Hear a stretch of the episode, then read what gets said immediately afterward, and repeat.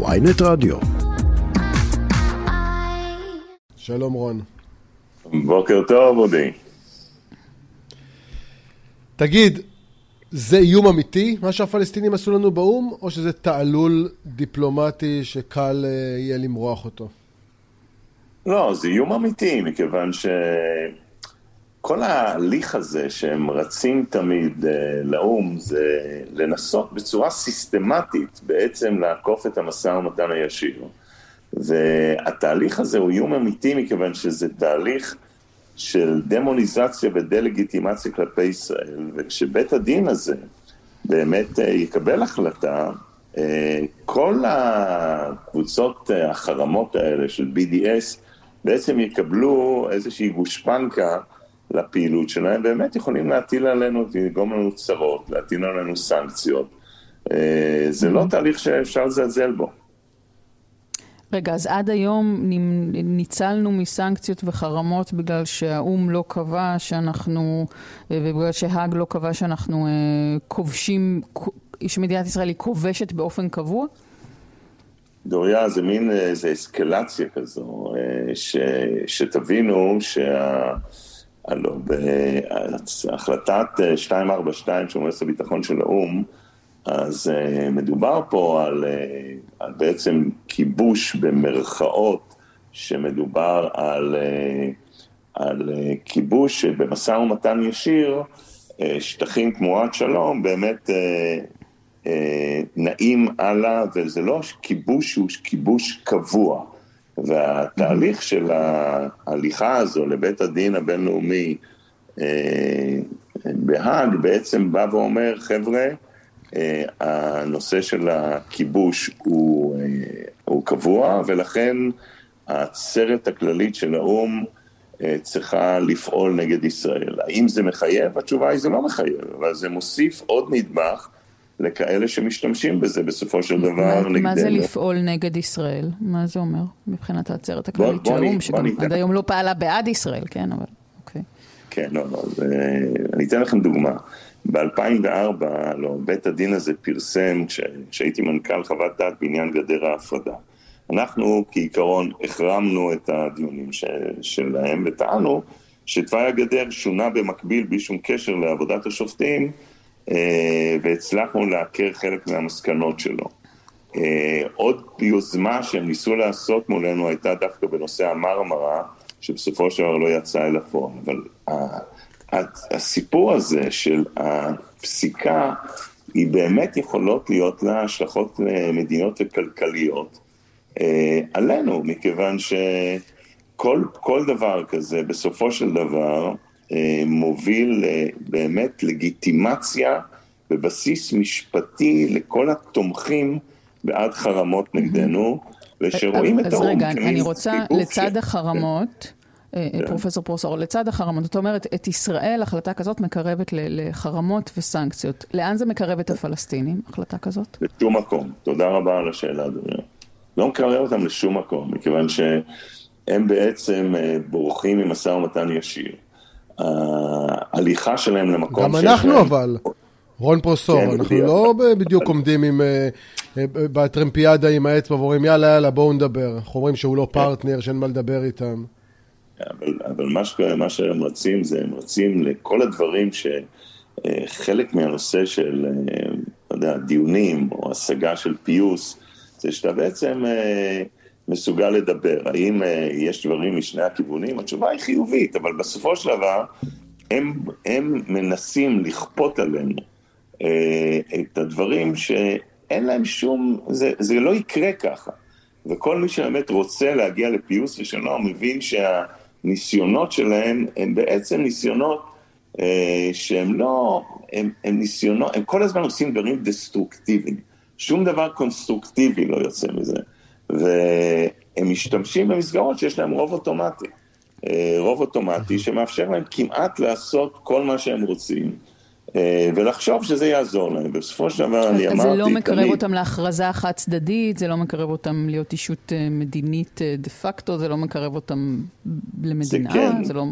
כלום. כל, כל הדברים האלה, תראי, הלוא בית הדין הבינלאומי לצדק הזה, שנוסד ב-46, שאליו באמת תוגש הבקשה, השופטים, אנחנו יכולים להגיד הרבה דברים, השופטים הם בעצם שופטים שנבחרים על ידי המדינות השונות, זה יותר מינוי שהוא מינוי פוליטי מאשר משפטי, אבל זה, יש לזה אה, הצטברות לכל, ה, לכל האמירות האלה, לכל ההחלטות האלה, ו, ומי שכמובן אה, אה, רוצה לנסות לכפות עלינו דברים מבחוץ, זה משתמש, בסופו של דבר המרחק מרמאללה לירושלים הוא הרבה יותר קצר מאשר מניו יורק לירושלים.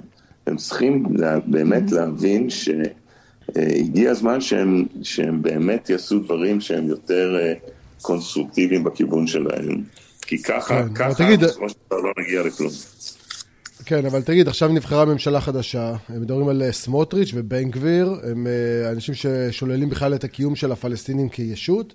השאלה אם ישראל לא מאבדת כאן במינוי החדש של הממשלה את היכולת להגיד, אנחנו פתוחים למשא ומתן. יגידו לנו, תקשיבו, זו הממשלה שאתם בחרתם, זה בטח לא ממשלה למשא ומתן. מה נתניהו היום כראש הממשלה המיועד אמור לעשות כדי לשכנע את העולם שבכלל יש על מה לדבר ויש עם מי לדבר בצד הישראלי?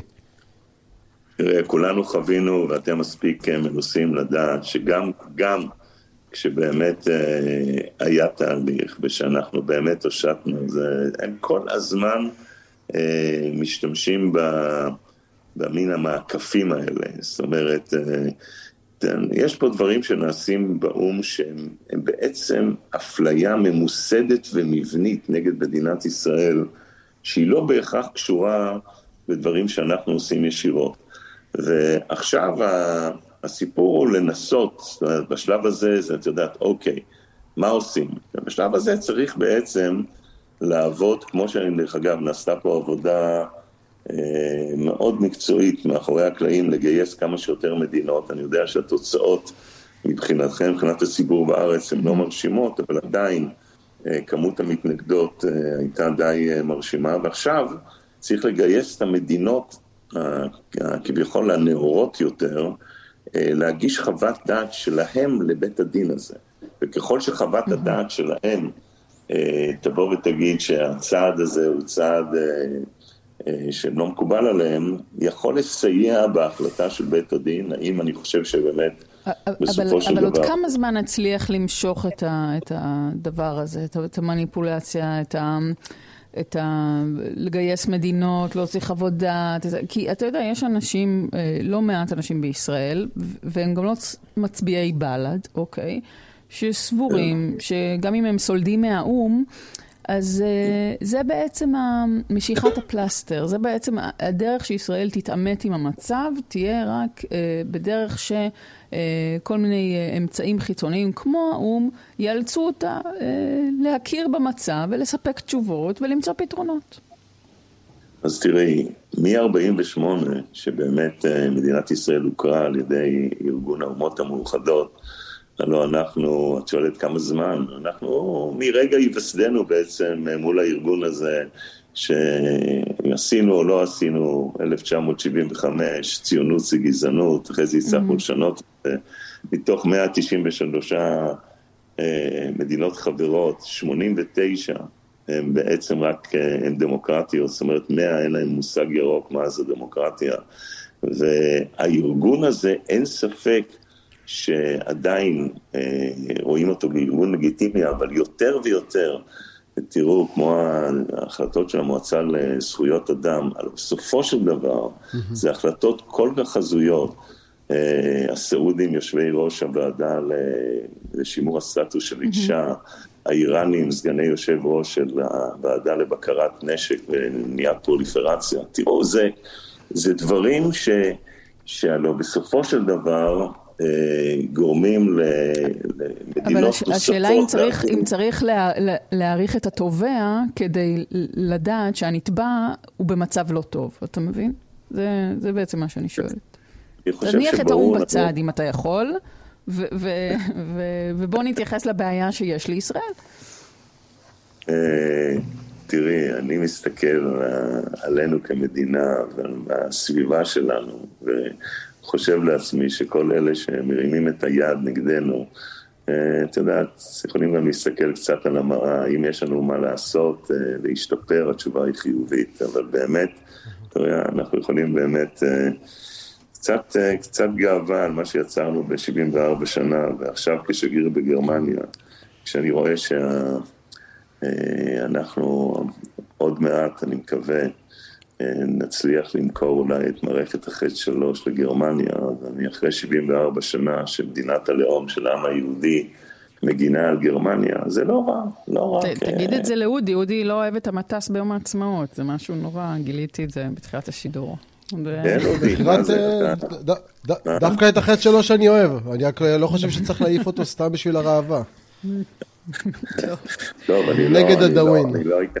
לא אכנס לדיון הזה, אבל שמעו, עשינו, אנחנו לא רע עם כל הקיטורים העצמיים. כן, לא רע, לא רע. סך הכל, סך הכל, אבל בסוגיה הזו, באמת... אנחנו כל כך טובים, אולי כדאי שנחליט מה אנחנו רוצים שיהיה עם הפלסטינים בשטחים, ולא נחכה שבית דין יקרא לנו כדי לשאול אותנו מה בא לנו.